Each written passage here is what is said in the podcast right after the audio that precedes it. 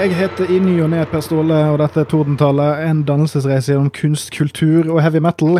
Uh, og i dag så skal vi virkelig dannes, fordi dannelse handler ikke bare om de store esoteriske og transcendente kulturelle kategoriene. Fordi vi må alle huske at matematikk og heimstell er òg kunstformer.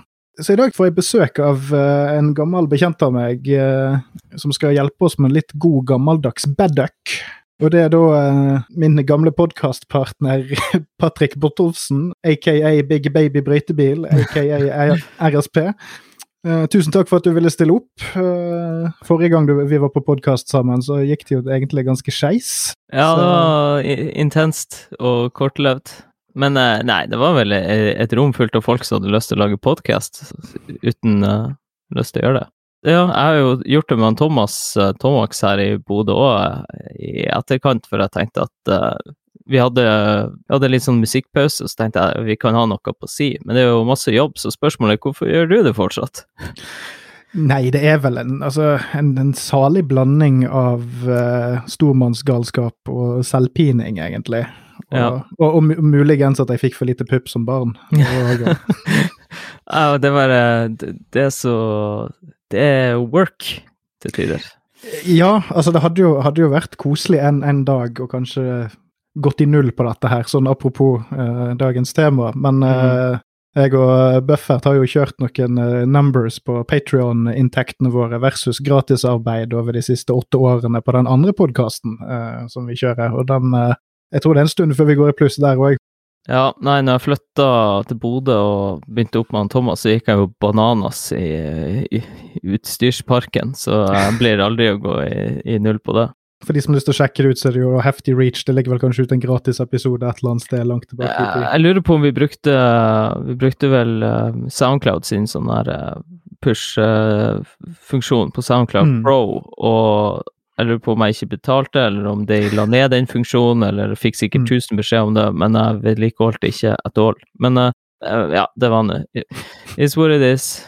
Jeg må jo bare si, når du introduserer meg liksom som bedduck, uh, jeg er jo ekstremt dårlig på tall og økonomi og Så jeg tenkte mer bare litt sånn å synse meg gjennom det her, fordi uh, ingen det er, jo masse, det er noen artister som faktisk prater om de her tingene her. Hun Eh, Silje Halstensen fra Bendik fra Bodø, hun har jo hatt det sånn og reist rundt og prata litt om hennes økonomiske situasjon og hvordan få ting til å gå opp og sånn. Så uh, mm. bare for å åpne showet med at det fins bed en bedre gjest enn meg.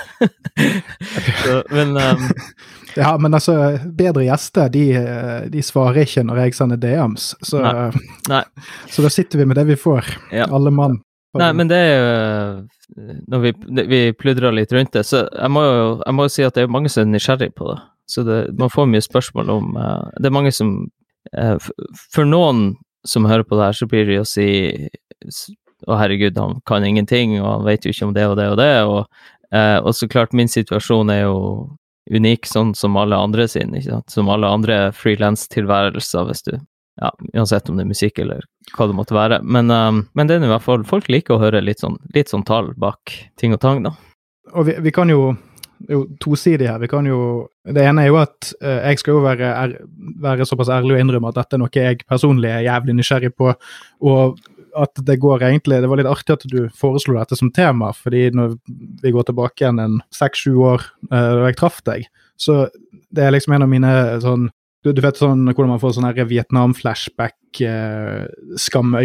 Og du kan sitte i sofakroken sånn åtte år seinere og liksom sånn Nei, hvorfor sa jeg det til hun jenten den gangen på akkurat den måten? Sånn ah, fuck. Mm. Ja, jeg har et sånt øyeblikk med deg, og det er at når jeg innså at jeg drev og spurte om nettopp disse tingene når eh, vi ikke nødvendigvis var på Var liksom ikke kommet til liksom sånn kompisdelen av kvelden engang. Så jeg tror det var sånn så første eller andre gangen jeg traff deg, så var jeg sånn Ja, hvordan tjener du egentlig penger, da? Er det 20 stilling? Er det, hvordan er det med feriedager? Ja, ja. Så, så det er jo litt fint å liksom Det er jo litt sånn terapeutisk å kunne gå gjennom det litt seinere og se at jeg, jeg, var ikke den eneste.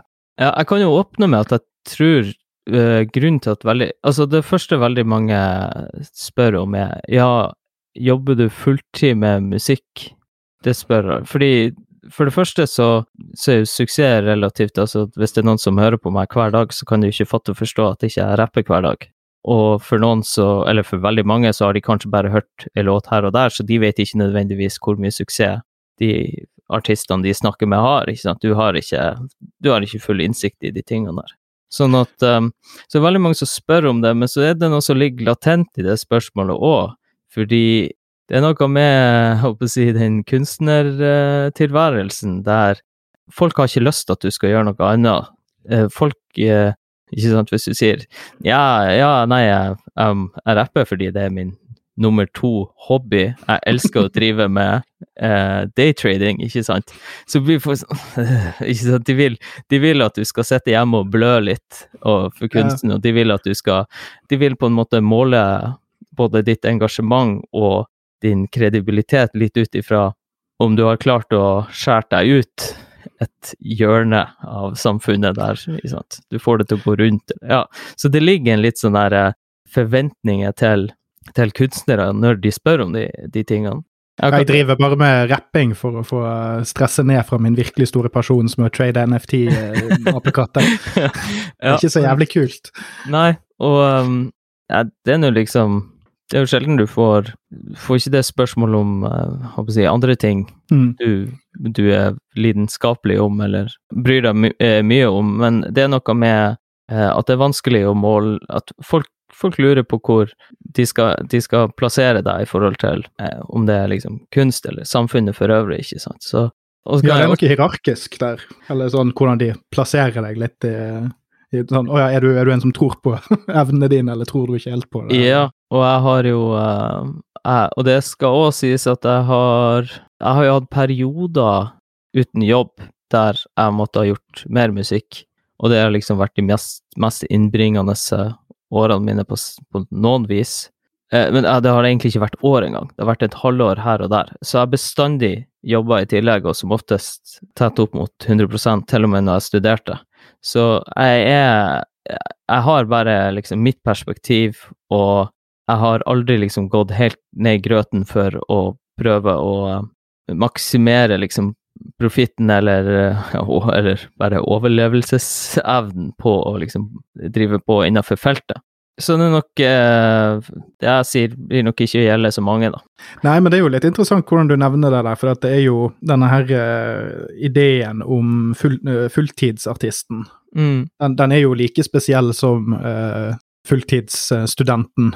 Selvfølgelig er det noen som kan det, men det er jo under forutsetningen at man har en, en backup i Ja, altså noen som kan være med og på en måte dyrke deg eller holde deg Og, og selvfølgelig popularitet og en del sånne ting som er mye, mye mer enn en, eh, reelle tall og sånt, som du tenker. Altså, det er jo mange band jeg hører på som jeg eh, vet ja, har sånne årshjul, på en måte. Kanskje Ja. de sitter og ja, Vinterhalvåret så jobber de, jobber de i sidegigs, og så har de, har de sånn sommerturnus og høst med sånn pakketurné og litt sånne ting. Sånn. Så det er jo, Ja. egentlig så er jo disse tingene her mye mer vanlige enn det man skulle trodd. Det er bare det at det er ganske mange folk som ikke tenker på det før de, før de blir gjort oppmerksom på det. Det er ikke en sånn ting som popper opp i samtalen til en random musikkfan. Det er mest for, for nerder og kranglefante.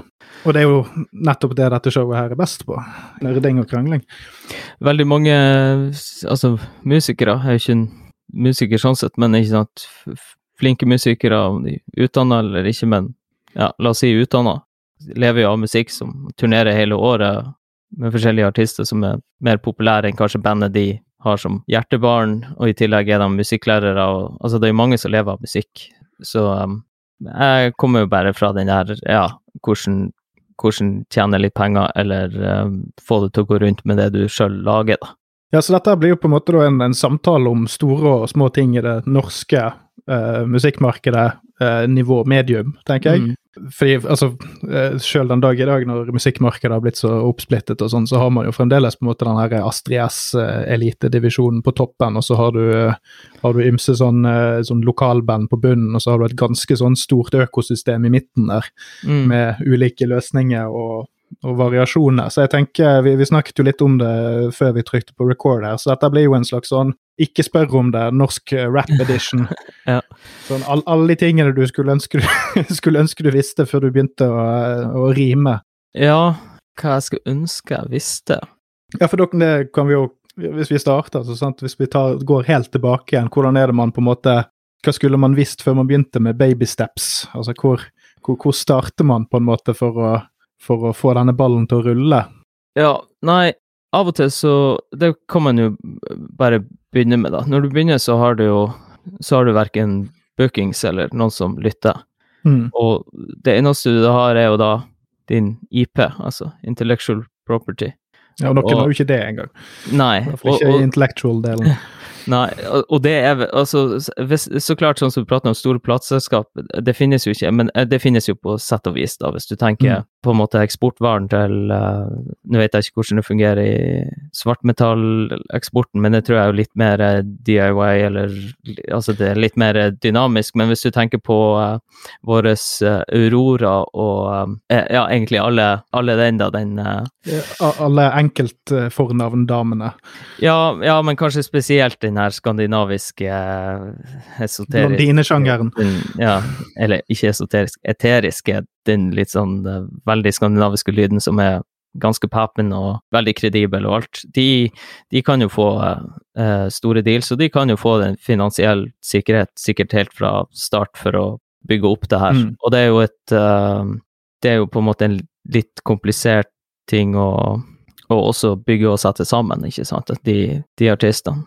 Eh, jeg tenker i hvert fall han Magne, da, som er kompis av meg, og som vi har drevet plateselskap, og mer venn enn manager, men har hjulpet meg hjulpet meg med skatten i alle år. Han har jo også jobba litt med hun, hun Ari, som har jo et stort internasjonal um, lytterskare, og det er jo Og jeg tenker bare, ja, eh, det er mye potensial og mye penger, og det er veldig bra musikk, og uh, men jeg ser for meg at det, er, det krever tålmodighet og eh, fokus, og, og for å bygge det opp, da, kontra Mm. kanskje litt mer eh, Astrid S, altså har noe Four to the Floor House Bangers blanda med noen veldig smooth ballader. Jeg skjønner du? At- Eh, Jeg får bare ta deg på ordet. Det, Ja. Så, så mens man ser bort ifra det, men tilbake til det jeg sa, det jeg skulle ønske at jeg visste, er jo at Man spilte inn en låt, og man hadde kanskje litt dårlig utstyr. Man hadde kanskje ikke råd til å mikse den, så man gjorde det sjøl, eller fikk noen andre til å Mm. gjøre det. Men der er vel rapp og hiphop ganske tilgivende på sånn demostadie og sånt, sånn i, i internettcrowden, eller det å starte opp med å på en måte i hvert fall få et, et, et navn, da. Ja, det, det kan du si. um, det var jo nesten litt den sounden på noe av det i tidlig 2000-tall, men Ja, for at du startet vel Ja, rundt starten av vårt Ja, og, men jeg, vil- jeg vil jo si at uh, det var jo ingen som kunne mikse beats i Norge på den tida, så å si. Men jeg vil jo si at uh, det er vanskelig å komme unna med Jeg tenker rappet om, om det kanskje om det er en enkel eller vanskelig miksejobb, det varierer jo fra låt til låt, men jeg tenker det er enda viktigere å få uh, beats og vokal og alt og boome litt med mer rapp, da. Eh, mm. eller det er viktig, i hvert fall i dag, og bare det soniske, da. Og så er det jo glidd over litt at de her håper jeg, si, lydtappene og vokal som flyter litt, og som er populært i, i dag, eller begynte å Mm. bli populært for ganske mange år siden, men fortsatt er liksom populært, det er jo et så, litt sånn teknikergreie som du kan gjøre hjemme, som på en måte kan maskere noe. Men Er det da de litt sånn slappe autotune, laidback-greiene? ja, og noen av de tingene. Altså, men jeg tenker liksom miks har bestandig vært viktig, og jeg kunne ikke Jeg husker jo når jeg hørte noe norsk rap, så kunne jeg ikke skjønne hvordan det hørtes så bra ut. ikke sant? Så kunne jeg ikke Mm. ikke hvor det starta. Men tilbake til det jeg mente, var at ja, du har skrevet ei låt, og du har en beat. Det er kanskje ikke det beste du har skrevet, det er kanskje ikke den råeste beaten. Eh, og enten fordi du tenker at det her er bare der jeg skal starte, og så driter du litt i det, så du får ut ei WAV-fil som du føler høres sånn cirka ok ut, og så legger du det ut, og så glemmer du det av. Mm. Men uh, jeg tenker i det jeg skulle likt å, å visst, eller hatt nå, når jeg er gammel og fortsatt rapper, det ville jeg kanskje ikke trodd at jeg skulle rappe fortsatt, det at jeg, det at jeg liksom tok vare på alt.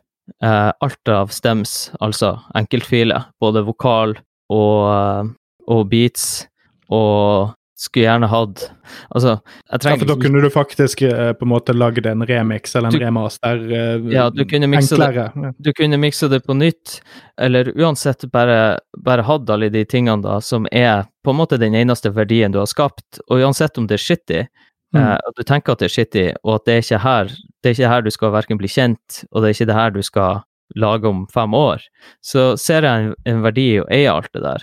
Og på samme vis så leverer man jo vekk låter eller vers, eller er med på ting uh, uten noen eierandeler i det, ikke sant. Du gjør det, Mm. det er venne- vennetjenester over, og det, det er superchill, det.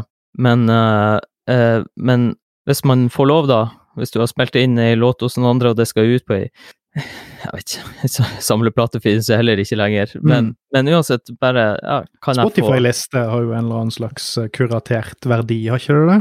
I noen sirkler? Eller det, Jo må det være vesentlig større for å Nei ha en det, verdi for, uh, la oss si, din størrelse, da? Uh, nei da, man, uh, man er happy for det. Det har fortsatt litt å si. Det er jo noen som nesten livnærer seg. Er altså de som lager litt sånn lofi hiphop, ikke sant. Det er jo Mm. sånn, du Mange Noe har jo sant, opp mot 100 millioner streams, men du vet ikke helt hvem artisten er, fordi du har den lofi-playlisten du, du setter på, ikke sant. Og eh, Ja. det genererer jo masse inntekter. De kommer kanskje ikke på akkurat konserten din fordi de de, de vet ikke forskjellen på deg og fyren, fyren som sitter i Tokyo, men det er masse folk som hører på det, masse folk som digger det, og ja. Men, eh, men det er kanskje det jeg tenker mest, at man skulle- Katalogisert, liksom.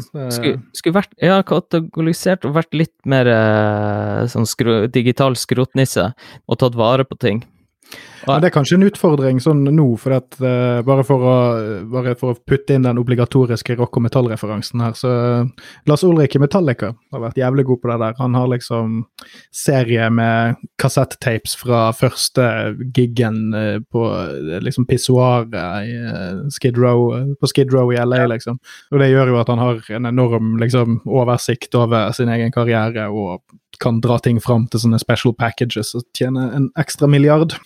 Nei, og, og, og det skal sies, er ingenting jeg har lyst til å dra fram fra det jeg har gjort tidligere, men eh, jeg hadde litt mer eierskap til eget virke, da. Og også gitt ut ting sjøl.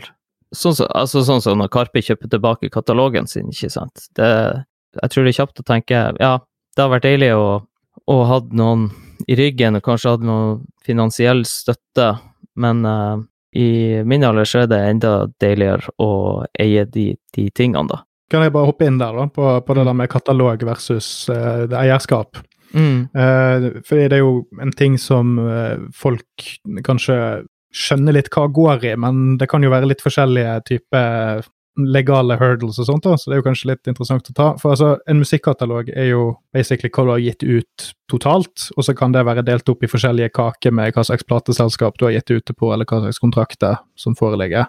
Ja. Så, et, så et band som, eller en gruppe som Karpe, har de da gitt ut eh, Var det fra ett plateselskap, eller kjøpt, var det bare at de plutselig hadde nok cash til å bare kjøpe opp alt det lille de gjorde? Altså, jeg, jeg vet ikke helt hvordan karrierekurven de sin så ut, så var det sånn at de shoppet de litt rundt før de ble store, sånn at de hadde gitt ut noen EP her og der, eller er det sånn at de bare kjøpte i balk fra et stort selskap? Nei, de, eh, de ga vel ut alt på Bonier Amigo, sånn som de, eller det som ble Kosmos, da, sånn som de fleste rapperne som klarte seg i eh, Mm. slutten av 2000-tallet. Da var det litt sånn, da var det tungt. Det var liksom Carpe Diem og eh, Erik og Chris, egentlig. Altså, det var, det var ikke så mange som, eh, som gjorde det så skarpt, og Bonnier Amigo hadde liksom alle de, og Madcon og Og det er klart, da, når du blir enda større i etterkant, så er det jo noen som sitter og håver inn på katalogen din. Og uh, passiv inntekt, ikke sant, du trenger ikke å De er ute og promoterer og spiller gigs og gjør seg mer og mer populær, Mm. og uh, du kan bare sitte og eie det og, og dra inn penger for hver gang noen trykker seg litt bak i katalogen og hører på streams. Så det er klart det er lukrativt. Jeg, jeg, har, jeg har ikke noen sånn gode eksempler på det, men jeg vet jo at det er noen som kjøper i USA og sånn, som kjøper katalogene til band. Eh, Ja. Det var jo Bruce Springsteen solgte jo hele sin nå for en sånn For nå er det en del gamle artister som bare selger katalogen sin når de har 15-20 år igjen å leve, sånn at de kan få utnyttet Ja. de, den halve milliarden nå, istedenfor kanskje at de får 650 millioner dollar på å leve. Ja. sånn at de får nesten alt nå versus Det er jo en sånn spekulering de har. Ja, nei, eh, det er klart, eh, når du ikke kan turnere lenger, og du ikke kan promotere det sjøl, så, så blir det jo vanskelig. Men jeg vil jo hevde at han Bruce Springsteen har satt et merke, og sannsynligvis ikke blir glemt dagen han døde. Så jeg ville kanskje heller gitt det til ungene mine, eller uh... Ja, jeg syns òg det var jævlig pussig at Bob Dylan solgte til Universal eller et eller annet sånt. Sa du, sa du Bruce Springsteen i stad, eller sa du Bob Dylan? For du lurte jeg på meg. Nei, nei, nå hopper jeg over. okay. Ok. Nei, det er bare to, to gamle gubber med et Ja. navn som begynner på B. Ja. Men, men det, det overrasket meg i hvert fall veldig, for det slo meg, det slo meg som et sånt virkelig sell-out-øyeblikk. For jeg trodde ikke at, eh, at Bob var, var så opptatt av cash. Skulle jo trodd at det kanskje kunne gått til sånn, et eller annet barnefond eller noe sånt. Mm. Ja, det er jo helt på siden av saken. Men, eh, Ja. Nei, vår mest streama låt er fortsatt Nora før, som er en slags Nord-Norge-kult anthem, eller noe sånt. ganske sizable. Ja, og de andre låtene går som det suser, men la oss si at vi hadde gitt det ut på et annet selskap i 2008, så hadde det vært bittert å bidra til de streamsene og spilt den live, og eh, ja, vite på en måte at man ikke sitter igjen med noe for det, da. Det er jo ikke enorme Altså- penger, men, men i et sånn, i et sånn case der, der de størrelsene er ganger med 100, ikke sant. Mm. Så, um, men samtidig så er det sånn at uh, gjør du en jobb, legger du et vers eller skriver noe for 8000 kroner, og du har en eller annen avtale på ja, Eller sånn, ja, så må, du, må man jo bare godta det, og det er jo Ja, det har man jo òg gjort, og jeg har ingen sånn Ingen issues med det, men det er med Av og til så føler man jo at man burde eie noe, og kan ikke helt forstå hvorfor du ikke gjør det. Og det bare være litt sånn bevisst over det. Så ja, det er kanskje det første jeg ville tenkt på, vært liksom bevisst på eierskap. Ja, for det, det har jeg hørt. Altså, ikke at jeg kjenner så jævlig mange uh, musikere at det gjør noe i den kategorien der, men den, den gjengangeren versus at du må uh, vurdere det å kunne potensielt bli litt mer kjent fortere, altså få Mm. ting ut fortere, og veie det opp mot det å eie, eie musikken. Da. For Hvis jeg har skjønt deg rett nå, så er det sånn at uh, du og Tomax uh, det er på eget uh, forlag, eller hvordan er det du definerer det? Ja, siste steg, det er vårt eget. Vi eier det med han Magna, og så er det litt sånn eierandeler spredt på de andre artistene og Klisj og Ja, det, og det er vel det på de sine egne utgivelser. Da er det ikke sånn at det splittes noe på gjestevers og sånt. Da er det nybrottsarbeid, holdt jeg på å si, eh, eller dugnad. Nei, greia er vel mer at uh, inntektene fra RSB og Tomax, eller inntektene til siste steg fra RSB og Tomax, det går, det går til musikkbiten. Altså det går til å Mm. produsere nye ting og bruke penger på nye innspillinger og, og sånn. Og, og så brukes jo også en god brøkdel av det til andre artister og nye artister. Mm. Og uh, den eierbrøken uh, er det jo ikke snakk om før man har et, et overskudd, og uh, vi prøver aldri på det. Ja, men det er litt sånn det, det, kan jeg, det kan jeg si at jeg var jo liksom blessed når jeg bodde i, i Harstad, og kanskje i starten av 2000-tallet, med at jeg var nå en av de få som rappa. Det var greit. Hadde, vi hadde ei rappgruppe. Kompisen min hadde utstyr, og var sinnssykt flink med lyd, miksa Mm. sjøl. Eh, en annen fyr som tok seg litt av eh, regnskapet og konsertinntektene. Jeg kunne bare møte opp og rappe, og så var jeg ganske sikker på at det ble å eh, bli gitt ut, eller noe ble å skje med det. da. Jeg husker jeg var struggling da jeg flytta til Oslo, fordi da hadde jeg ikke Jeg jobba ikke, jeg begynte vel å studere først. Nei, jeg hadde litt jobb, men jeg var kjempebroke når jeg Mm. først flytta til Oslo. Og da satt jeg og skrev og knota, og så kjøpte jeg vel en billig mic, men jeg fikk ikke til.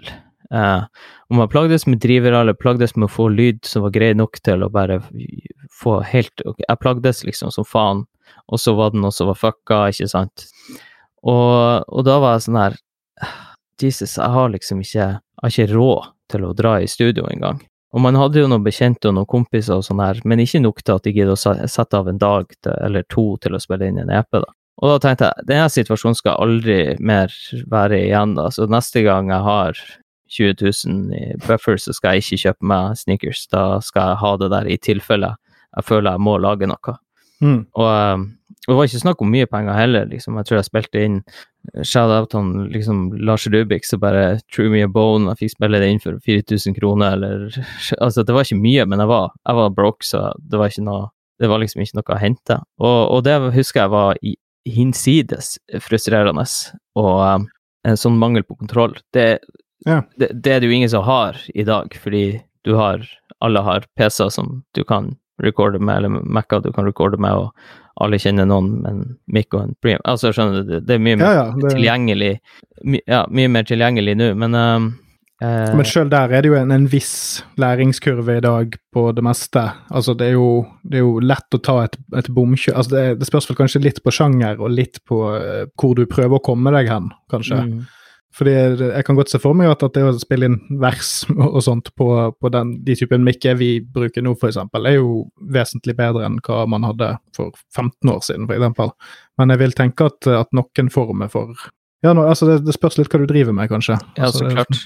Og, um, og litt sånn klin umulig når, uh, når du drev i en eller annen bandkonstellasjon. Da var du avhengig av at det var en eller annen, si, noen med tilgang på utstyr som jobba i et eller annet kulturhus eller med noe i et eller annet studio som digga det dere gjør, og skal vi ikke prøve å tracke det her? Eller skjønner du, du har Mm.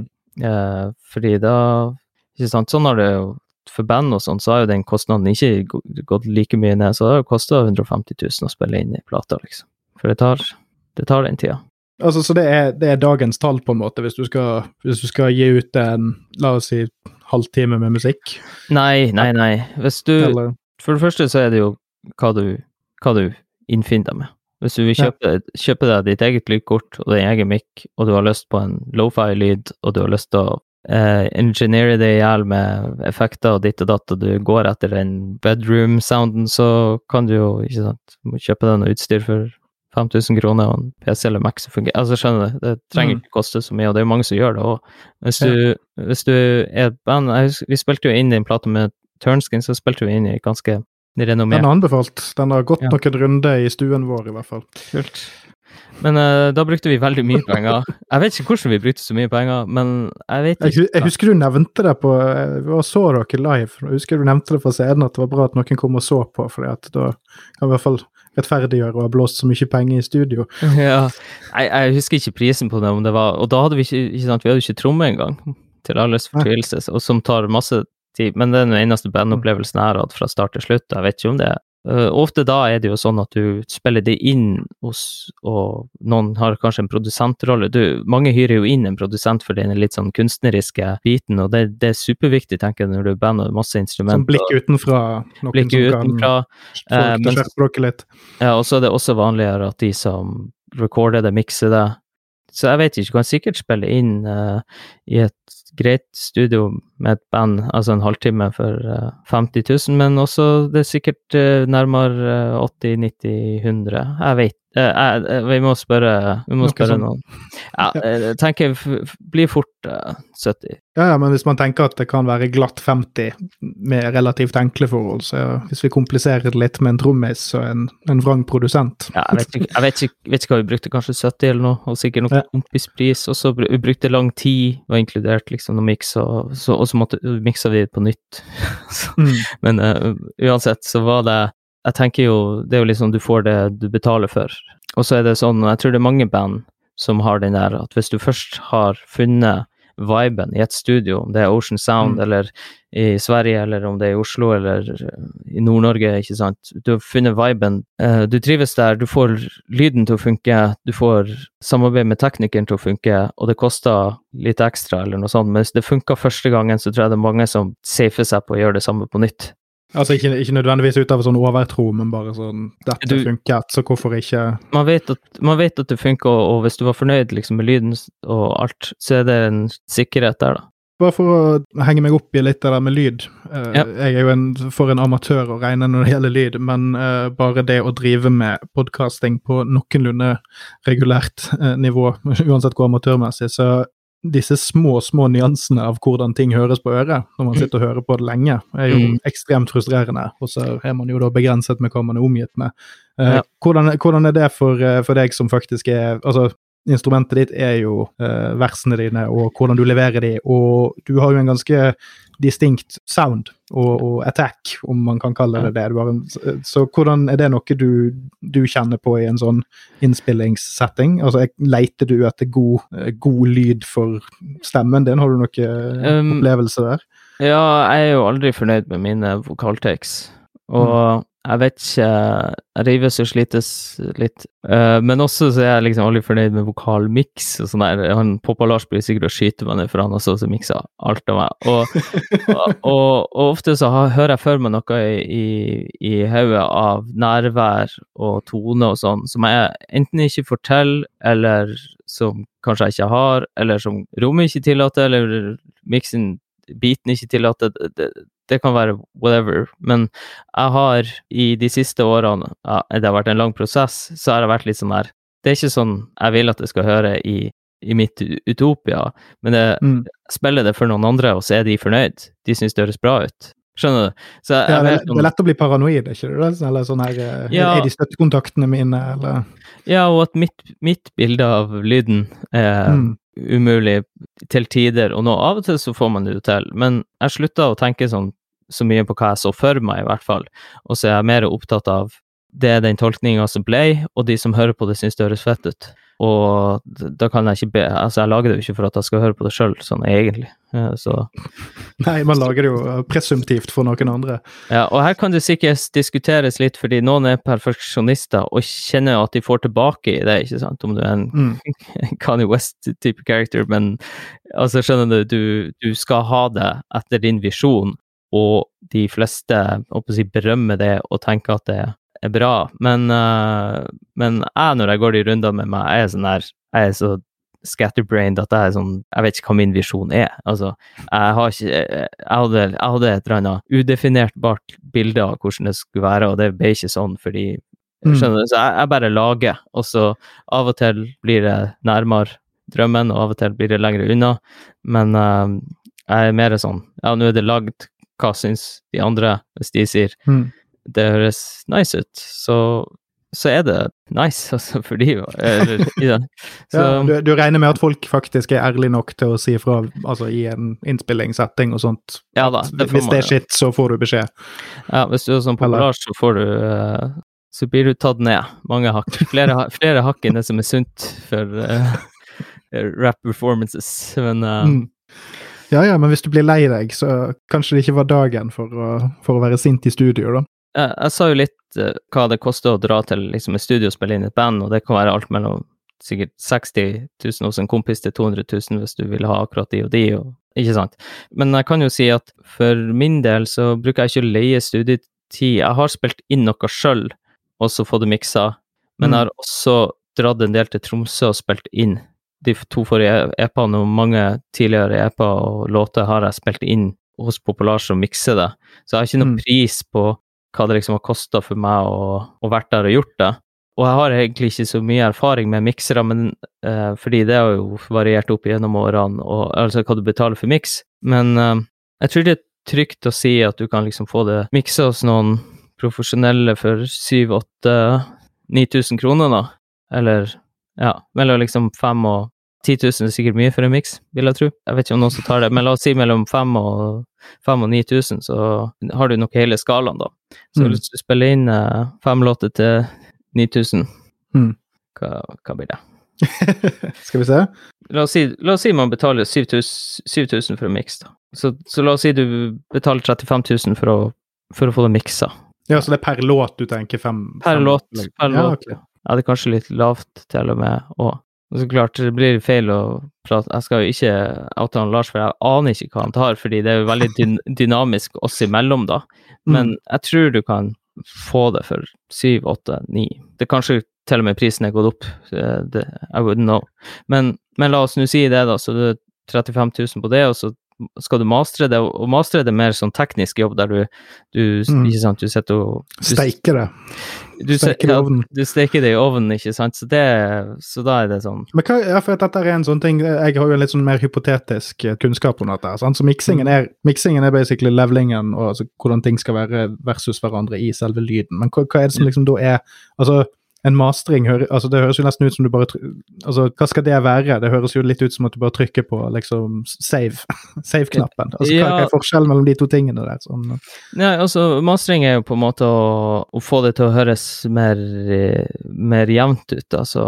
Og, ja. og, og, trekke opp det lave og presse ned det høye og få ja, det blir veldig Jeg burde ikke prate om det her, jeg, men, men, men, uh, det er mer en uh, det er jo så klart uh, du, du, har jo liksom tjenester på nettet som gjør det her automatisk for deg, mm. og superbillig, men det er jo også en skill, ikke sant. Men det, ja, men det, er, ikke, det, er, ikke, det er ikke sånn prislapp og tidkrevende som miksing ofte er. Så du får uh, Så la oss si det er liksom 5000 for en hel utgivelse, da, eller hva det ja. måtte være. da. Så, altså, da kan du fort være oppe i 40 lapper for miksing og mastring for en ja, EP, da. Ja, og, la, og, så, og, så, la oss si du skal spille det inn, og hvis du skal ha en tekniker, hvis du skal ha masse av de her effektene og ditt og datt, du skal bruke lang tid, sant, så snakker du fort liksom 20 000 for det, da, hvis vi ikke prater om å spille det inn hjemme, eller at det er bakt inn i en, mm. en sånn større deal. Sånn at, ja, 60 eh, 000 for en, for en EP, nå hørtes det jo plutselig billig å spille det inn med et band, så vi, vi, vi prater jo egentlig om de, sta, de, samme, de samme, størrelsene, men, men det altså, Men det spørs jo hvor mye tid du bruker på hver enkelt ting. da.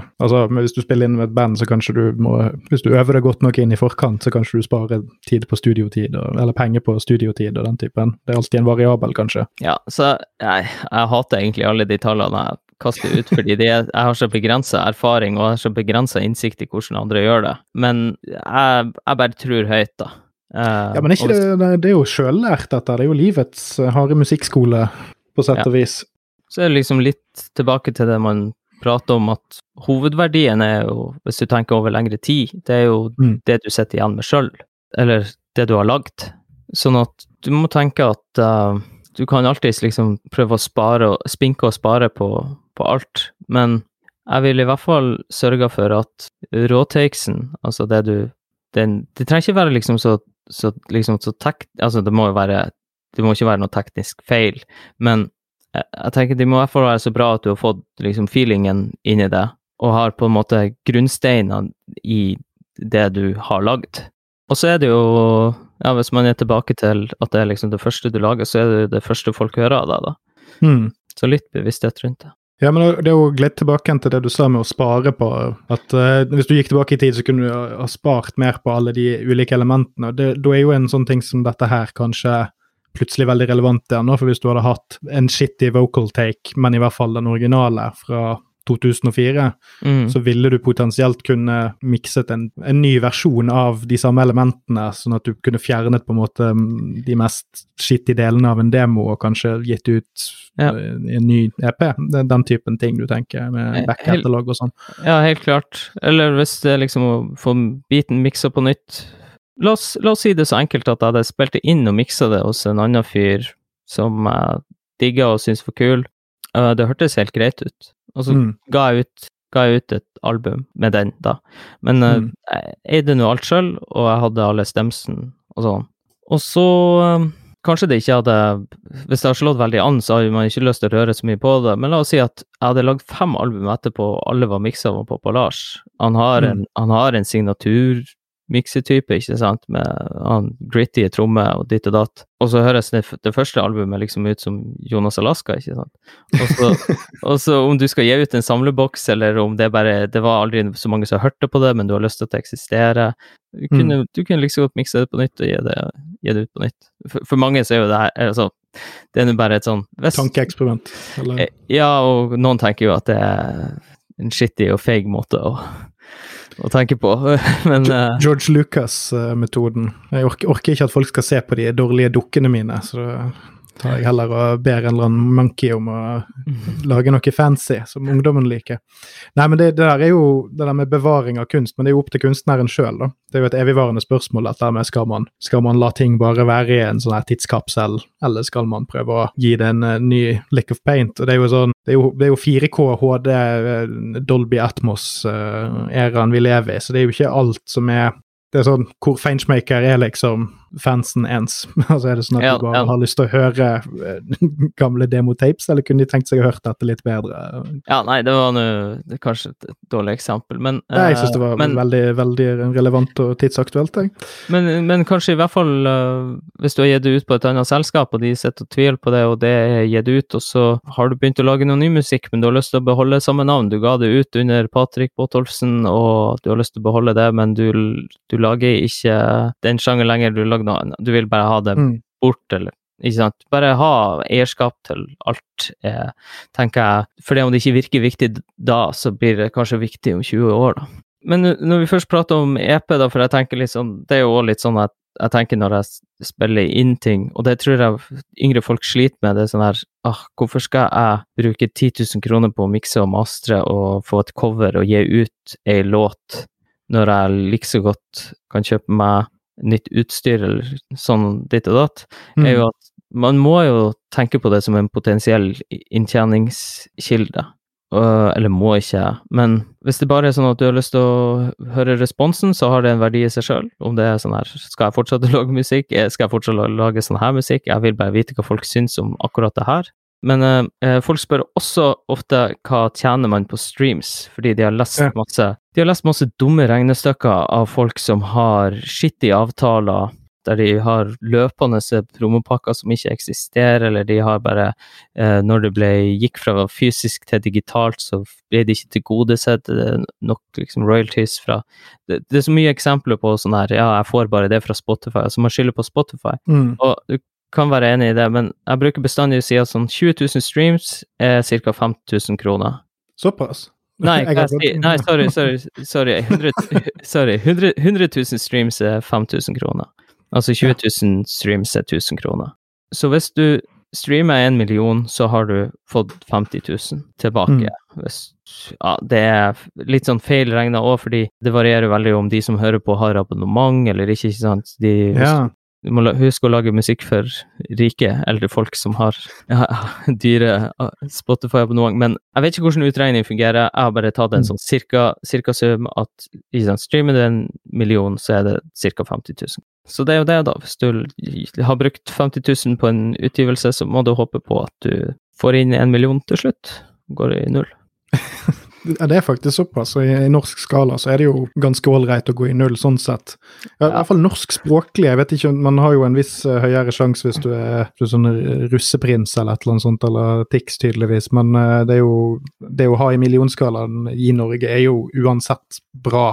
Det er vel kanskje gans, ganske begrenset hvor mye norskspråklig musikk, i hvert fall innenfor rapp, kanskje. Har ikke Mm. kanskje så mye internasjonal appell sånn sett. Nei. Eller har du det? Nei, det tror jeg ikke. sånn typisk sånn her er noe er sånn de høres ut for de, Men de um, Nei, og så er det jo også det her at eh, eier, eier du alt, har du fortsatt har du fortsatt tenkt å promotere det? Har du tenkt å spille Mm. gratisgigs? Har du tenkt å gjøre skolekonserter? Og du vet at eh, om du holder oppe streams, eller klarer å øke streams, ikke sant? Mm. Eh, og det kan hende at tallene mine er utdatert igjen, for det her er sikkert sånn jeg tenkte for fem år siden at, at 1 million er 50 000 kroner. Men, så det kan hende at det òg er helt, uh, helt fucka nå. Sorry, jeg er ikke noen bedduck-fyr. Det, dette er norsk rap-bedduck, det dette er ikke videregående pensum. Eh, Ja. Men ikke sant, du ser ikke for deg at du skal lage musikk så og så lenge. Du, jeg så ikke for meg at jeg skulle rappe i 20 år, eller hva faen det er. Så jeg tenker i hvert fall hvis man starter nå og sånn, og Jesus, vi har, det er så få folk som hører på det her at vi blir ikke å gå i null for om fem år. Mm. Uh, nei, nei, men du, hvis du fortsatt blir å spille konserter, eller fortsatt, hvis folk fortsatt blir å høre på det fordi det er av en interesse, da, så har du ei passiv inntekt så, Mm. lenge, så lenge det varer. Sånn at jeg tror man må se, man må se verdien i, i the long game. Ja, for det, det var det jeg lurte litt på når du begynte å snakke om det der med, med EP versus Jeg vet ikke helt hva du så for deg skulle være alternativet, men for meg som er vel av en sånn eh, bakgrunn at jeg er veldig albumorientert på omtrent alt jeg hører på, Mm. så henger den albumsyklusen litt på greip, at man lager en pakke på ja, ja, 40-50 minutter. sant? Altså, turné, altså, det er ikke nødvendigvis det at du tjener penger på selve utgivelsen, men det at da har du en syklus og et tema for syklusen din. sant? Og så drar du ut på turné, du selger merch med det trykket på, sant? Du, Mm. og, og selger, selger billetter og sånn, og så er det liksom eh, Det har i hvert fall blitt mer innbakt i før var det jo gjerne sånn man fikk en stor payout fra plateselskap og sånt, Ja. men det er jo helt vekke. Men at det er mer en del av bare et uttrykk og en syklus enn det er at musikken i seg sjøl skal gi deg eh, cash payout med en gang. Men Ja. da, da lurer jeg på dette med, med EP versus singel. Altså for det, er jo, det er jo sikkert det jeg ser for meg at denne ungdommen tenker, hvorfor kan jeg ikke bare gi ut en og en låt på Spotify eller Tidal eller hvor faen. hva er på en måte fordelen med å lage en EP? Altså, hva, Er det bare av det kunstneriske, på en måte, eller er det òg det at da får du i hvert fall lagd noe som høres likt ut, og, og har Eh. den her shinen som du er ute etter, da? Nei, altså for min del så lager jeg jo musikk uansett, og Mm. så, så er det sånn at uh, jeg syns det er verdt, verdt å høre på, men jeg liker å samle det både for min egen del Man gjør det mest for sin egen del. Og så er det sånn at jeg syns det er verdt at det skal finnes, og at folk skal høre på det, men det er ikke nok eksplisitt til at jeg har lyst til at alle skal høre på det, eller at jeg skal selge det, ikke sant, Mm. Eh, som en singel, da. Jeg tror jo det på en måte presset per låt blir litt lavere Ja, når ja, man gir det ut ja, samlet? ja på At det sett og måte blir en pakke? sett og vis, man syns det bør Mm. eksistere, men jeg har ikke noe, har ikke noe pressemelding til akkurat den låta, ikke sant. Sånn, Ja. og eh, jeg er ikke interessert i å knive sånn, eh, altså, og hele tida ha noe som skjer, ikke sant. Man har lagd noe, og så prøver man å, ja, så vil man ha det ut, og så passer det av og til tematisk, eller sonisk, eller, men uh, Jeg har faktisk ikke eh, tenkt på før, den, den vinklingen der. men jeg, jeg tror jo, ja, for mange prater om hei, du kan jo bare gi ut en singel, ikke sant. Ja, ja, Mm. okay, det, det blir, du kan se hvordan det går, så kan du gi ut en singel om ei uke. Det har ingenting å si, ikke sant. Det, Mm. Og det, det har det ikke. Du kan gi ut fem singler. Jeg, jeg kjenner bare at jeg vet ikke om jeg har orket det. Eller, eller, det er ikke noe ork, men jeg kunne sikkert gjort det på det viset, da. Men uh, det er jo flere som har gitt ut altså norsk rap, da, som gitt ut album. Undergrunnklikk, som ga ut en plate for ikke så lenge siden. Det er liksom et fullverdig album med masse ja, jeg håper å si, ikke skits, eller skits, men ja, det jeg tenker det er en opplevelse. Intro og forskjellig Men, og Det er greia ikke skits, men det som en greie for meg. er Det veldig sånn Eminem-show. Uh, Ja, nei, det ikke- kanskje litt mer om min, min bakgrunn i Ja, men, ikke skits, men det er noe melloprat. Det er liksom tar seg opp og det tar seg ned, og det er en dramaturgi, føles det ut som. Det er i hvert fall en, Mm. en, en lytteopplevelse, da. Og jeg er albumfyr Eller jeg er ikke det, men jeg setter på et album, og så hører jeg gjennom det, og så får man liksom tid til å Du får bare mer tid til å orientere deg i hva det er du Mm. Får. Og greia er jo at når de gir ut et album, så og jeg sier det til deg, og du er en albumfyr, eller jeg sier det til kompiser av meg som er av min generasjon og hører på album, så tenker jeg at det er større sjanse for at de setter på og hører det. Altså, de appellerer da, det her er jo 20-åringer, så da appellerer det plutselig til de som er 30 og 40 via formatet, men det er ingen 16-åringer som sier Øh, det er et album, jeg gidder ikke høre på den enkel. De plukker det de vil, og de har kanskje Mm. ikke tålmodigheten. De lager seg en playlist, og de, de hører jo fortsatt på det som er, er interessant og relevant for dem. så de finner det uansett, så hvorfor Ja, så jeg, jeg, jeg føler liksom å, å gruppere låter, om det er en EP eller om det er et album Jeg føler jo at du favner jo om flere lyttemønster, på sett og vis, da. Det har jo litt med livssituasjon og tid og sånn. Jeg, jeg hører jo liksom på Release Radar, og eh, så er det en, artist jeg liker, så er jeg ofte inne for å sjekke om det er skiva tilknytta det, og da blir jeg veldig pumped og kan høre på det. Men jeg blir jo ikke, jeg blir jo ikke følge med på ukentlige singler til alle som jeg er liksom litt interessert i. Sånn at, fordi jeg føler ikke at jeg har tid til det, det høres jo teit ut å si, men, men du skjønner? Nei, altså, jeg, jeg er jo engasjert i musikk, men jeg følger jo ikke med. Det er jo mer som at jeg browser og ser hva som popper opp, og så blir jeg overrasket hvis jeg ikke har Altså, jeg følger jo med på det jeg er interessert i, og så er det sjelden jeg blir overrasket, men en gang iblant. sant? For alle har jo forskjellige bruksmønstre. Jeg tror i hvert fall ikke man skal vie det en jævla tanke hvordan du gir det ut, eller hvordan Mm. du Så er det mange som bruker den waterfall-metoden, at de gir ut ti singler, og så blir det et album til slutt. Det er en ting som plager meg som er sånn albumentusiast, for da, da har jeg på en måte hørt hele albumet før jeg Det kryper jo inn i ulike sjangre òg, så du får liksom seks singler på en elleve låters album, sant. Ja. Og så er det kanskje én god låt av de fire-fem du ikke har hørt fra før av, sant. Så det, Ja. det er jo en viss fare for at du har burnout. Det er, det er sikkert noen som sitter på noen tall på hvordan de Ja. forskjellige tingene fungerer, but I don't. Um, Men du, da kan vi jo, hvis vi har snakket oss ferdig på streaming-biten, mm, kan vi jo eh, tenke på eh, Fordi du har jo, du nevnte jo på en måte vi snakket om dette, sant? Det jo, nå har vi jo vært innom selve studiobiten, eh, det når du har sluppet det ut. Eh, Mm. men eh, hvis vi tenker gigs, da, eller konserter Du har jo nevnt det noen ganger, så så tenker jeg Jeg har jo aldri satt opp en konsert. Hvordan er det du går fra altså, For der er det jo Du har jo sikkert ganske mange eh, Det er jo igjen en kake som skal fordeles på en del folk. Du, du får jo gjerne ikke lokale ut av ingenting og sånt. Du har allerede nevnt noen mulige eh, arrangører og sånt, men eh, hvis du kan eh, ta oss litt inn i det universet der. Ja, nei, vi gjorde jo I lang tid så gjorde vi det sjøl, og da booka vi scene sjøl. Mm. Kunne koste alt mellom 20 og 40 000, og så gikk det bra, så gikk det bra. Du sitter igjen kanskje med mer av overskuddet og sånn, men Mm. eh, da handler det jo om de scenene der du vet det fungerer. Og vi er jo Vi spiller jo veldig lite, eller ganske lite, da. Vi spiller liksom i Tromsø, Bodø Ja, ikke så mye i Harstad, faktisk, men Tromsø, Bodø, Trondheim, eh, Oslo. Der går det så det suser hver gang. De, Mm. de liksom de fire der, da. Så det er jo Du kan jo enten liksom kjøre et sceneleie, eller så har du eh, opp mot en garantisum og sånn. Jeg kan jo bare Mm. fortelle om RSB og Tomax, fordi det vet jeg at jeg ikke kan. Ja, jo, fordi, men det er jo, men- det er jo derfor du er, her, ikke det? jo, men nå har vi For nå har vi et bookingselskap, og det er jo eh, Bliss. De ordner jo med Mm. liksom, håper jeg, produksjon, altså flybilletter og, og sånn, og forhandler avtaler og alt det her. Og kan bare ta et sånn typisk eksempel, så er, la oss si det er et honorar på 100 000, det er vel fort kanskje det det er, da. Og det med RSB og Tomax og trivselsmaskiner, altså bandet. Altså på én gig. Som På en gig, en måte- ja. Som er fire personer på en scene. Ja, men vi er vel flere, vi er flere enn det. Vi er liksom fem på scenen, og så er det lydteknikere, og så er det en visuell, En visuell, En- visuell fyr. Visuell artist. Så, ja, altså, nå, nå er det jo litt pinlig, for jeg har jo faktisk Dere er jo den eneste konserten jeg har opplevd eh, siden Slipknot før pandemien i 2020. Så eh, det er jo litt pinlig at jeg ikke husket i farten hvor mange det var, men det sier vel bare hvor mye hovedattraksjonen på scenen eh, dro oppmerksomheten. Så Ja, men Mm. så la oss si av den 100 000-lappen, så tar bookingselskapet Nå vet jeg ikke om det er det her vårt bookingselskap tar, men jeg gjetter sånn 20 Det kan du sikkert forhandle opp og ned, litt avhengig av hvor mye reach du har og sånn. Men la oss si 20% så da er det liksom 20 000 ut der, da, for å ha fått på plass medium reach. for å få på plass uh, avtalen og ordne alt uh, rundt tekniske ridere og hospitality ridere, og altså alle, eh, avtalens omfang og kommunikasjon og alt det der, og, men først og fremst selgerjobben, da. Altså Mm. å selge deg inn.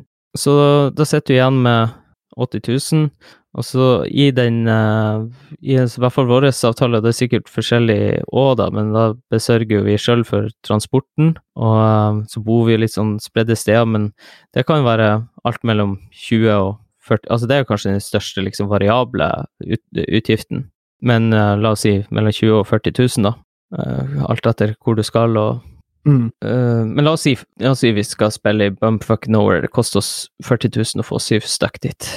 Eh, det er dyrt. Det er connecting flights, så det, ja, jeg klarer ikke engang å forestille meg hvor vi er. Svalbard, eller ja, noe sånt. Jeg har sett en gig der, den var ganske dyr, for å si det mildt. Så Den varierer jo. Og så, um, og så kjører vi da vi, Det er noe som heter Creo, som er liksom uh, ja, fagforening for musikere, som har satt seg for hva det skal koste å skrive en låt for noen, og hva det skal koste å produsere en låt for noen. Ja, Sånn at ingen skal bli fucket over, basically. Ja, og vi betaler jo Kreosats til alle, altså inkludert meg, ikke sant. Mm. Det, det er det jeg får per konsert, og det er 3950 nå. Det har vel gått opp nå nettopp. Da blir det jo 30 000 i honorar. Så i et sånn, uh, i et sånn regnestykke der det er Der du sitter igjen med 80 000, og du bruker 30 000 på hyra, så har du 50 000 igjen, og så har du Ja, la oss si du har 30 000 i, i reise, da. Og så må du jo Lokaltransport er ofte liksom betalt, og du har ofte noe mat inkludert og sånn, men la oss si det er 20 000 igjen i overskudd som går inn i det store hølet, da. Og da er det sånn at uh, vi er nå organisert sånn at RSP og Tomax også er et AS, og uh, da har vi Vi bruker jo gjerne de pengene på videre drift. Men hvis det er et overskudd, så deler vi det oss imellom. RSP og Tomax er meg og Thomas og Magne, da. Så, så for nå har jeg på en måte prata om siste steg og innspillings- og utgivelsesøkonomien på ene sida. Det er på en måte helt atskilt, hvis du skjønner. Og, eh, Så livebiten er jeg, eller liksom all annen foretaksvirksomhet er liksom litt separert fra den kaken igjen. Det er et, en annen del av bordet, kaffebordet. Bare så for å forholde meg til den utrolig dårlige metaforen jeg begynte med. Um, Så, så potensielt for meg, da, hvis det 100 000 er kjempebra honorar for oss, men det er liksom Jeg vet ikke, det er jo kanskje Jeg tror det er det vi ligger på. Jeg er ikke helt sikker heller. Det kan gå, Jeg Mm. burde ikke si de her tingene. All Things Live blir sikkert å drepe Nei, du men- kommer jo sikkert til å få futen på nakken etter det. Ja, men ikke sant. Alt er avhengig av om skal vi spille i den byen på nytt om et halvt år. Er den byen viktig for oss? Er det Mm. Skjønner du? Du kan gå masse ned i pris hvis det ikke kompromitterer andre ting. Skal det Skjønner være med press på venues og sånt? Ja, men, og- men du, du skjønner hva jeg mener? At de, så klart spiller vi ikke billig i en av de fire byene der vi vet at vi selger ut. Så klart spiller vi ikke en festival der billig hvis vi uansett har tenkt å, å spille der om et halvt år. Altså det blir Skjønner du? Ja, det går var ikke liksom om det hvor, hva er kapasiteten, og jeg orker ikke gå inn på sånn sceneleie og altså når man Skjønner du? Nå tar jeg bare fastpriseksempel, bare for å holde det enkelt. Ja, ja, Men- jeg får for guds skyld holde det enkelt. Men la oss si da at det hadde vært 20 000 i overskudd på hver gig, og jeg hadde hatt 40% av det, altså en 8000 kroner, da. Så kan jeg liksom potensielt Og da har det gått veldig bra, for vi spiller jo også gigs der vi går i, i underskudd eh, hvis det er dyr reise, eller hvis vi bare har veldig lyst til å spille der fordi det er strategisk viktig eller passer bra, og vi du, Alle de variablene der. Men la oss si det, da. Vi har spilt ti konserter i året, som er mye for RSB Atomic really. Jeg tror vi liksom vi ligger på det, liksom ti eller tolv, eller Og da, da er jo det en uh, 40 000 i Creo-hyra til meg før skatt, men potensielt 120 000 hvis det er noe overskudd der også, hvis det er overskudd på alle ti. Og, skjønner du? Altså hvis Og- alt klaffer, og Ja, og alt, alle ja. stjernene det her er- seg i linje. Ja, og det her er før skatt, men Mm. Det skal jo også sies at ti gigs i året er ekstremt lite. Altså, det er jo mange som kan, og vi kan helt sikkert òg spille mye, mye mer. Og det er mange som spiller mye, mye mer. Og du kan få opp inntektene og ned kostnadene på alle mulige vis, liksom. Bare for å ta den biten der, da, bare for å suge meg fast i et poeng her. Eh, Ja.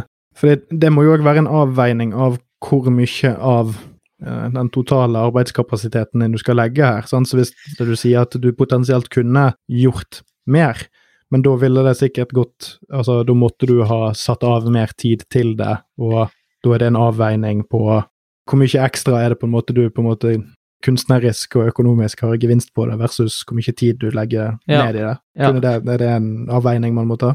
Uh, det- uh, ja, det er jo en avveining. Fordi jeg hadde jo For for oss er det jo på en måte egentlig bare viktig å lage pump og engasjement rundt musikken.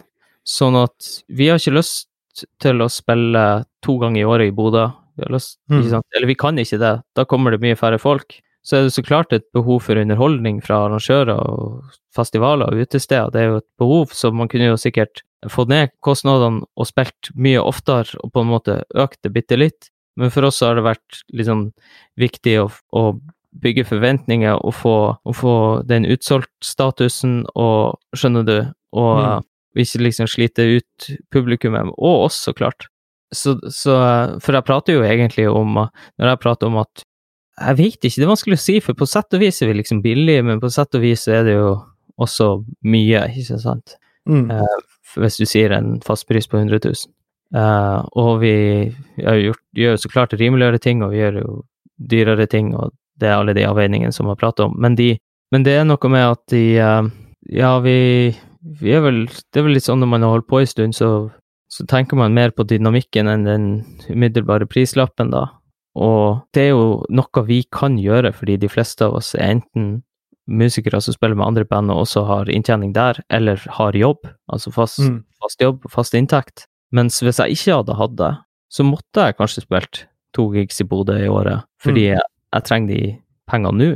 Uh, og det kan godt hende at det hadde vært uh, skapt like mye engasjement og vært enda bedre og tatt alt ned i venue og bare bestemt at skal aldri spille for mer enn 250 mennesker, det er da det er fetest, eller sånn. Du kan gjøre, du kan Mm. gjøre alle de, de variantene. Jeg skjønner du? Det er jo igjen en avveining. Altså, hvis du hadde spilt oftere, kanskje du hadde fått mindre engasjement, men kanskje de som er engasjert, ville vært enda mer engasjert. Og Ja. du vet liksom ikke hvor få folk som hadde vært den harde kjernen på den driftsmetoden her, da. Ja. uh, nødvendigvis. Og det er, jo, det er jo kanskje det som er Men hvis man har funnet den fine balansen der man kjenner at her, dette er en fin flytsone, Mm. så, men at det òg kan være en slags nesten sånn kunstnerisk avveining. Har jeg, har jeg lyst til å være i hermetegn billig og jobbe mye, eller være litt kostbar og, Ja. og, og heller gjøre det til en event når man først gjør noe? Uh, Ja. Eller gjøre det litt mer spesielt. Det kan jeg skjønne og forstå. Ja. Og med en gang det er snakk om ja, noen trenger bare to-tre låter, og det er, ikke, det er ikke bra visuelle forhold, det er ikke bra lydforhold, men de har veldig lyst på noe underholdning, det er begrensa med folk, altså en typisk event eller noe sånt, kan ikke RSB og Tomax liksom møte opp. Da er det jo plutselig halvparten av utgiftene. Men det er jo det siste vi har lyst til òg. Vi har jo egentlig ikke lyst til at folk skal se oss med Altså når vi kjører trivsel, ikke sant, når vi kjører det med band og det visuelle, så har vi ikke lyst til å Gå tilbake igjen. Ja, ja eller, eller, på en måte tilby, tilby en billigere versjon av Julebordpakken. Julebordpakken. Og det, det, er det jo veldig mange som, som tjener godt på, altså. En, ja, Jon Almaas var jo det var jo sånn han eh, fikk råd til Holmenkoll-parkeringsplassen sin. Ja, og det er mange som Det skal sies det er mange som lever på julebordsesong, det er mange som lever på eventmarkedet. Topp artister og topp entertainers. Det er mange som kan spille nesten året rundt. Altså, har, vi har jo en regional eh, base, og, og eh, det er mange som kan spille over hele landet i kriker og kroker, og spesielt tenker jeg liksom sånn om det er Hagle eller Staysman eller noen av de her tingene som er liksom retta mot mot bygda og fest. og ikke sant, Du, kan, mm. du kan spille i hver jævla krok. Staysman sa at de, de, spiller liksom på plasser der de selger flere billetter enn det er innbyggere. ja. det, det, gjør de liksom faktisk, og kan spille og kan holde på året rundt. Ja, og så er det vel òg en type musikksjanger som òg kan by på altså du, du, trenger ikke egentlig å kunne noe om altså Det er ikke, det er ikke musikkengasjement helt på, på uh, artistnivå. Nei, men jeg, tror, du, jeg tror det er veldig jeg tror det er veldig gøy. Men de ja, ja, ja, altså ingen diss. Eh, det er folk som syns det er gøy. De, eh, de lever et bedre De er sikkert lykkeligere enn meg. Så. ja, de Eller, det skal jeg ikke si. Men de uh, uh, Mest fordi jeg ikke vet hvordan de har det. Men de uh, jeg tror Staysman er lykkeligere enn meg òg. Ja, han virker, virker veldig virker happy. Mm. Men de Nei, hva mer skal man, man, skal man si om det? En annen ting er jo også DKS. Når du prater om den her syklusen, albumsyklusen, mm. så er jo Den kulturelle skolesekken Det har jo vært en stor en for mange band i Norge. Mm. Der du selger et uh, kulturpakke til skoler, da, og så er det lokale produsenter som setter opp turneer i de forskjellige fylkene, der du om du er i alle Oslo-skolene over tre uker, eller om du kjører Øst- og Vest-Finnmark til ikke sant, til Ja, for du, du, holdt vel på med noe eller dere holdt vel ja, på med noe sånt når jeg ble kjent med deg? Da syns jeg du var på en sånn Var ikke du på en sånn Nord-Norge-turné? Jo, jeg har, vært, jeg har, vært, to runder. Jeg har vært en i Øst-Finnmark og en i Vest-Finnmark. da. Uh, og det, For meg så var det sånn jeg må ta fri fra jobb, uh, mm. Ta ut ferie og sånn. Men det er liksom Jeg lurer på om det er 3000 kroner dagen, om det er 4000 kroner dagen. Det er i hvert fall greit betalt for mange, mm. og, alle, og, alle, får betalt, alle involverte, da. Og mm. det er jo på sett og vis givende. Du får sett mye rart av landet, og du får eh, spilt for kids, og det er mange av dem som fortsatt hører på oss etter at vi var innom der en gang, og sånn. Men det er også en sånn her Da er du helt borte fra mediebildet, da. Mm. Og, mm. ikke sant, og du har kanskje lagd ei plate, eller skal lage ei ny plate, men du, sant, du, ga, du, har gitt ut ei plate, du har turnert med den, du har spilt Byene tørr, mm. og så kan du gjøre en sånn ting, ikke sant, der uh, la oss si du har eh, 30 dager eller en måned, så er det liksom 90 000 til hver enkelt bidrager, da. Og, uh, mm. og det er det jo mange som har greit. En ting som, som, som slår meg, da, det er når, når, du står og fremfører på en skole, Mm. Hvordan, hvordan, går det utover liksom, evnen din til å performe når du får f.eks. blikkontakt med den tørreste rektoren i min som står der og bopper? Knulljente, Jampang! Kom igjen, Bodil. Til alle inspektører der ute. Nei da, de det, det, er tidvis, uh, tidvis tungt, og så kommer du rett inn i det, da. Jeg var sånn, Vi spilte jo Eh, en ungdomskonsert for ikke så lenge siden, så var de veldig små. Det var på Rock mot Rus, det var sinnssykt pump. Jeg skjønner ikke at de hører på oss, men det var veldig, veldig bra crowd. Men jeg så for meg de typiske 15-16-åringene, men det var, litt, det var ganske mange mer 10, 11, 12. Og da begynte jeg å tenke på og da begynte jeg å tenke, Det jeg sleit mest med, egentlig, for låten de spiller du sånn som vanligvis, men jeg sleit mest med mellomsnakket. Og, og, og, det lærer du på de skoleturneene, da. Om det er noe call and mm. response-greier, eller hva de syns er gøy. Hva kids syns er morsomt. Du lærer Det, det, tar, eh, det tar litt tid, og det er jævlig tungt å komme inn i det. Men når du først, du først liksom lærer deg litt sånn mellomsnakk og connecte med dem, så går det. Så går det. Den her går ut til alle med stram regulering. ja, nei det, det, er ikke Det er ikke så lett å begynne å forklare låter. Nei, nei, det- men jeg, jeg ser for meg det er en uh, unik kunstform å skulle uh, beholde sin egen uh, street cred mens man, mens man holder det PG. Ja, nei, man serverer, serverer nå låten sånn som de blir lagd. Jeg tror ikke Mm. vi tok null jenter tjener penger i, i Karasjok og lignende, men um, Kyss, Eh. jente, spill fotball. ja. Nei, ja, det var vel noe sånt vi sa. Kyss, kyss jente, klem venner, eller noe. Ja. Nei, det var ikke kyss jente engang, det hadde vært, det hadde vært riots. Ja. Ja, det er jo noen sånne gamle læstadianer-bastioner der oppe, så det er viktig å holde tungen rett i munnen.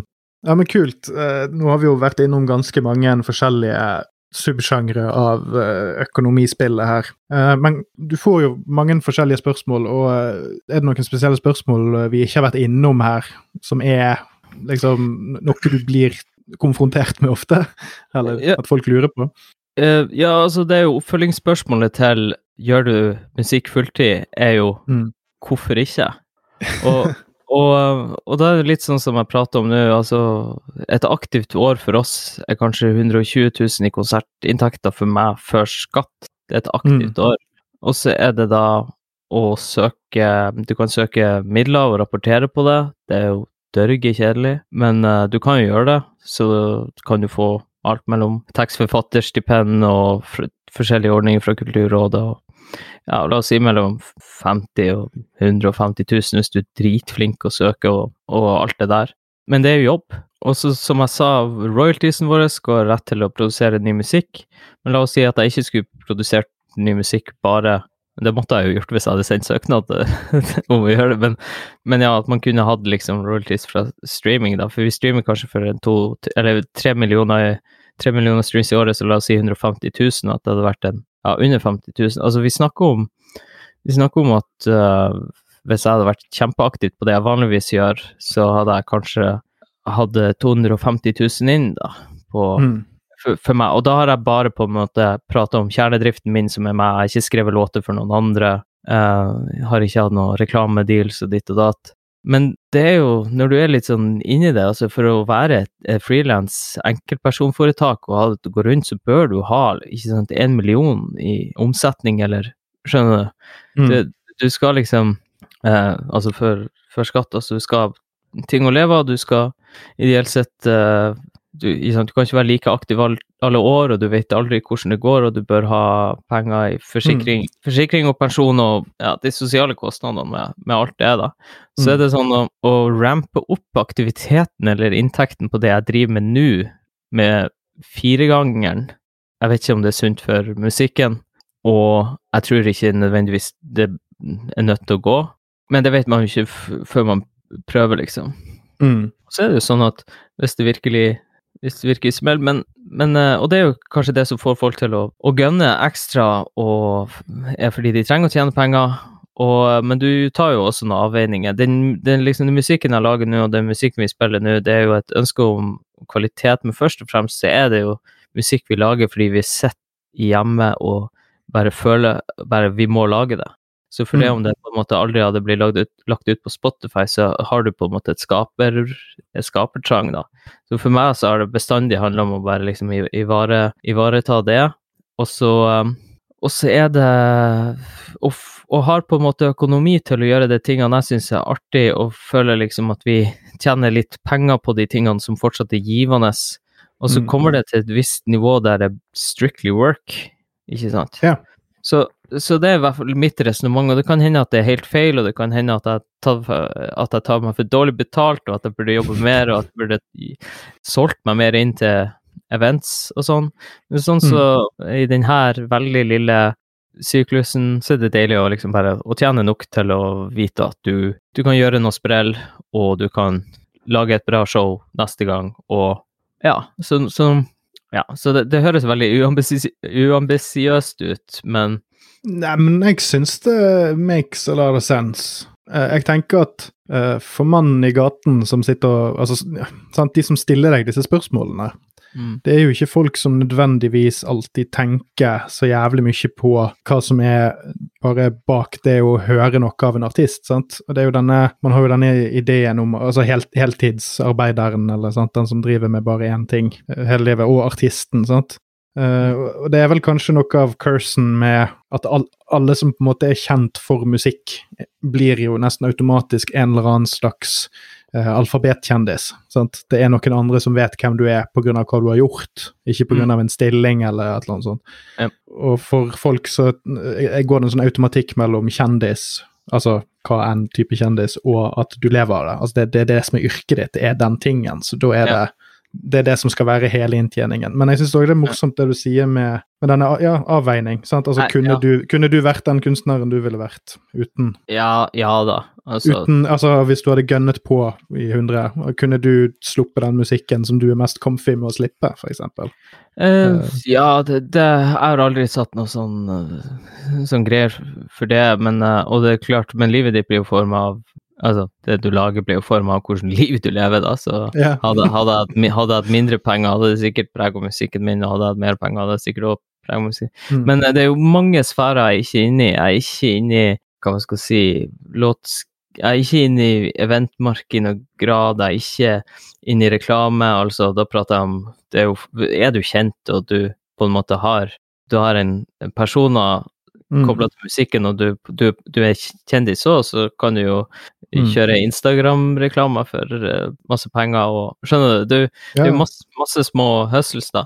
Så jeg prater jo bare om et veldig, mitt veldig snevre veldig Hjørne. snev- snevre erfaring. Og så er det sånn jeg, jeg skulle gjerne Jeg må jo levere skattemeldinger nå, så jeg skulle jeg skulle gjerne, jeg skulle gjerne hatt eh, For jeg sa liksom 250 Jeg vet ikke Jeg har ikke god nok liksom koll på musikkinntekter. Jeg vet bare at vi ikke liksom vi er ikke, vi er ikke redd for å bare putte det i drift, og vi er ikke redd for å putte det i penger til liksom, andre artister vi gir ut, og vi er ikke redd for å, å si, ikke få det tilbake. Vi er nå, jeg og Magne da, og Thomas, vi er nå bare glad i å lage, glad i å bygge, glad i å holde ting gående. da.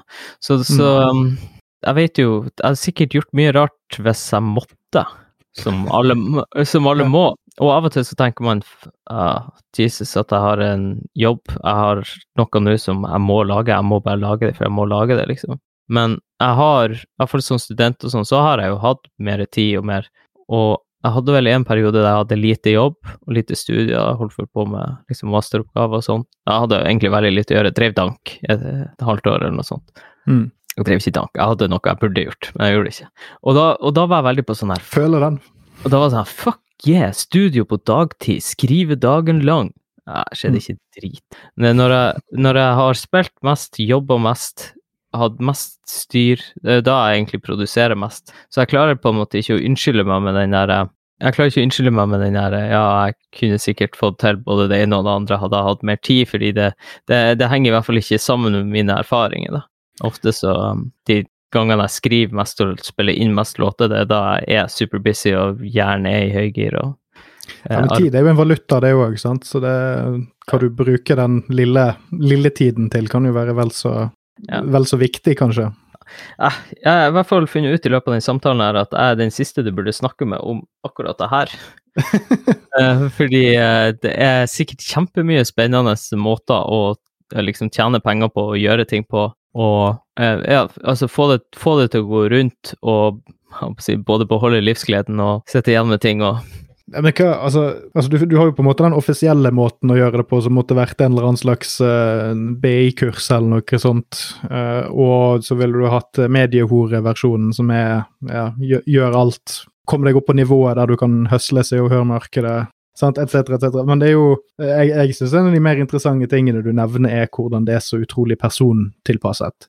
At det er det er en litt sånn her Hva er det som på en måte funker i forhold til ja, ja, hvor mange konserter er det på en måte som er komfortsonen? Hva er det som er komfortsonen for å slippe musikk? Hvor Mm. bra må musikken høres ut, bare rent sonisk? Man setter jo sine egne Det høres ut som du har satt dine egne standarder for hva som på en måte er personlig suksess, da. Altså hva er det man på en måte er komfortabel med, hva, uten å miste nattesøvnen over Ja. ulike aspekter, da. At det er Og det kan jo være altså, Jeg vet jo ikke om det er noen er neppe spesielt mange vordende rappartister i min lyttergruppe, men jeg, jeg syns at det er den mest interessante biten som kan være litt universell. Jeg tror det handler Du kan trekke ut i mange forskjellige retninger. Ja, nei, jeg er ikke redd for å gjøre verken det ene eller det andre. Uh, Men noe må jeg lage. Altså, noe bare skriver seg sjøl. Noe må spilles inn, og noe må ut. Det er jo på en måte det jeg, jeg verner om. Uh, det er det jeg på en måte sier at det må jeg ha penger og tid og ressurser og vilje til å gjøre. Altså, noe har jeg bare sånn Jeg har det, Mye av mitt virke er sånn Må jeg ha? Må jeg gjøre? Det er, det er ikke noe sånn at jeg bare Ok, la oss prøve på det. Altså, og så kunne jeg sikkert, og har sikkert i varierende grad, av og til pusha litt mer på skaper- og uh, salgsbiten, og noen gang mindre, men jeg har på en måte ei kjerne som ruller og går uansett.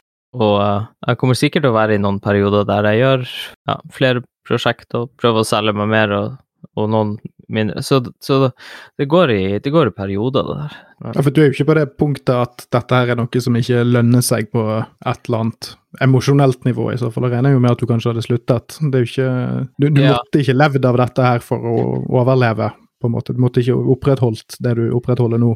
Nei, men så er det jo Men jeg har jo tenkt litt på det, spesielt når vi har spilt med band, da. Ja, vi har jo den kreosatsen, og så er det sånn Ja, av og til så er det sikkert noe man har lyst til å gjøre der, man, der det bare går så vidt, eller man går i minus, da, når alle skal ha betalt, og, og så er det sånn Skal man fortsatt gjøre det? Så er det litt sånn Hvis hvis det ikke lønner seg lenger at Hvis du ikke får til å lage på en måte den, den, konserten eller det showet eller det produktet du vil, så gjør du det ikke Da lager du ikke bare en billigere versjon fordi du føler du må gjøre det uansett, tenker jeg. Eller, mm. eh, da, da, kan du legge opp. Men uh, det er jo helt rått å spille små konserter med bare DJ og svette i taket og alt, 50 eh, stykker og alt Altså, alt er kult. Jeg skjønner det finnes masse kule mm. ting, men, men, eh, men, i hvert fall være litt sånn her jeg syns ikke liksom man skal I hvert fall hvis du ikke er et band i oppstartsfasen, så syns jeg man kan liksom ta fingeren i jorda og, og finne ut hva du virkelig vil, og om sant, det er liv, liv laga, da. Nei, for der har du jo da på en måte vært inne på Altså, eh, jeg hadde noen punkter her som på en måte var eh, avrundingspunktene mine. Eh, sånn Koster det like mye som det smaker, eller har man bare nok til salt i såret? Sant? Ja. Men det var jo det du var inne på der nå på den siste biten din, er jo at, at ja, um, altså, Kjenner du at det går på en eller annen slags Hva er det det kalles nå? Ja, at kontoen blir, din emosjonelle konto blir overtrukket? Eller kunstneriske? Nei, mer motsatt. Jeg, mm. jeg er ganske jeg, jeg, liker bare å ha akkurat nok på emosjonelle kontoen. Altså, jeg får akkurat nok til at jeg trives ellers, liksom. Men det er klart og det kunne jeg sikkert gjort uten å tjene noe penger og brukt masse tid på det. Men det føles bedre når det er mange involvert, og det er penger involvert, fordi da er det ikke bare deg sjøl du tenker på. ikke sant? Det er ikke bare meg som går ned på puben og går hjem med ei barregning som er større enn det jeg fikk betalt, og så er jeg veldig glad og tilfreds fordi jeg fikk gjort det. Men sånn, til og med når det liksom lugger, eller at du er sliten, eller at du eller mye annet som skjer, så er det Hvis andre er involvert, så er du en del av et økosystem, ikke sant, så det gir mye bedre gir mening å, å, dra i lag. ikke sant, du har, du har, flere andre i bandet som får betalt, og det er mange som kommer og ser, og så Ja, så det føles Den sosiale biten er rett og slett litt mer givende? Ja, og, og team eh, bare team, altså den fellesopplevelsen er, veier opp de gangene du ikke nødvendigvis får mest pump ut liksom personlig eller sjelelig. Og igjen dette med salt i såret. altså Det er jo en, eh, et sånt regnestykke ganske mange sånne hobbyister og sånn kunne gjort. Det er jo at du tar timelønnen på den totale inntekten i løpet av et år og deler det på antall faktisk timer brukt på arbeid. Inkludert skrivetid, preproduksjon, innspilling, promotering, konserter, mm. søknadsskriving. Mm. Så, så regner jeg jo med at som i så mange andre bransjer, så er den reelle timelønnen ganske lav. Yep. Uh, men det er jo uh, kanskje bare noen titalls kroner i timen, egentlig, hvis mm. man ser stort på det sånn sett. Nå har du jo sagt noen hundre tusen her, og sånt, men det er jo fremdeles Det er jo kanskje en høyere prosentstilling enn det den inntekten skulle tilsvare i faktiske, reelle timer. Ja, jeg vet, jeg vet, ikke hva prosent blir, men uh, det er akkurat det at du må i hvert fall ikke føle deg forplikta til å bruke 25 av tida di. Men sånn som når jeg La oss si at jeg har masse gigs og masse ting å gjøre, og ikke sant, det, du har en direkte pengebit som er knytta til det, Men hvis det bare er at jeg er hjemme og, og også skal skrive og spille inn og skape, ikke sant, så har det jo ingenting Det har jo ingenting å si, for det gjør jeg jo liksom uansett, da. Så mm. Det er jo på en måte bare å, å ha en knagg å henge på jeg ville jo, vil jo ikke kalt det hobbyen min, men noe skaping må jeg gjøre, eller gir meg mental tilfredshet. sånn at Så det er jo litt sånn som å ha en, en jobb som du også er interessert i, altså som du kanskje sitter og, og leser deg opp om på fritida, eller ikke sant. Det er givende. Men da, da, tenker jeg det aller siste spørsmålet blir jo da Og du har jo gitt mange ulike råd eh, underveis her, men hva er det beste rådet du kan gi en ny artist? Og nå kan du se for deg da Kjell Ronny i Drammen som sitter og stemmer gitaren sin i garasjen til uh, bilverkstedet han jobber på. Eller bare Nei. hvem som helst. altså noen, En eller annen rando som sitter og har lyst til å hoppe av pinnen og begynne å gjøre noe. Hvis jeg kunne skrudd tilbake tida, så ville jeg kanskje ikke brukt mine 10 000 timer på å bare lære meg å rappe. Jeg ville kanskje lært meg også litt sånn uh, å lage beats og recorde meg sjøl ved de tingene der, syns jeg jo er gøy å mestre, men jeg er veldig amatør på mye. Jeg ikke sant, spiller piano og gitar og kunne Ja, jeg tror liksom bare lære seg, lære seg mest mulig, da. Fordi, ja, for plutselig så står du i det at, at, hvis det er et behov for det du gjør, eller eller at det er et ønske om hva du gjør, så er du plutselig litt mer låst i det, da. Sånn som mm. meg av og til før i tida, da jeg var liksom før i tida da jeg var fyllesyk, så satte jeg meg ned og lagde beats og fant sjelero med det. Helt forferdelige beats, de er så drit at du aner ikke. Men eh, sånn som nå, når fritida mi er litt mer begrensa, så hvis jeg setter meg ned og begynner å lage en beat nå, så er jeg litt sånn her Det kan jeg ikke gjøre, fordi hvis jeg har to timer til rådighet, så burde jeg jo heller skrive et vers.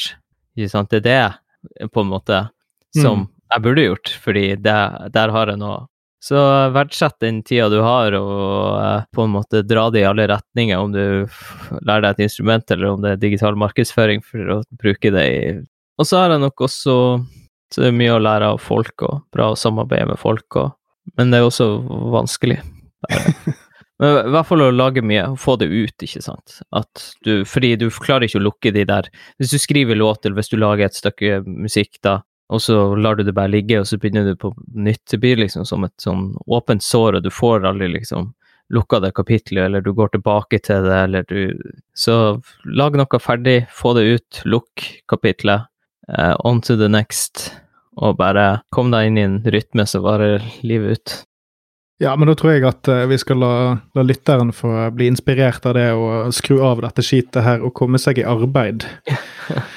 Tiden er kort, du skal vitne. Du må komme deg ut og uh, gjøre noe greier, ikke bare sitte og høre på podkast hele dagen. Men uh, du får ha Tusen takk, Patrick. Jeg, takk. Du, du, gjør jo jobben min veldig lett her. Du må jo gjerne komme tilbake igjen neste uke. Da skal jeg Jeg gir deg en Manwar-plate, så kan du bare begynne å snakke neste uke. Så, så bare, ja. blir du vikar ut sesongen. Ja, nei, ja, det var ikke men meningen å plapre så mye. Det var ikke meningen Det går jo greit å gi tall for min egen del, men jeg bør kanskje mm. ikke gi, gi ut så mye sånn priseksempler på mine samarbeidspartnere. Men, men jeg, jeg, er dårlig på det, og det er veldig Ja, jeg bare gjetter, men det er noe sånn cirka-eksempel som man kan tenke. Ja, så hvis dere har lyst på en uh, rabatt fra Poppa Lars, altså bruk promocode eh, RSP, tordentallet, så uh, får du 20% off din første Jeg holder sikkert med på det. yes, men uh, takk for nå, og uh, velkommen tilbake, og god natt. Yes, god natt.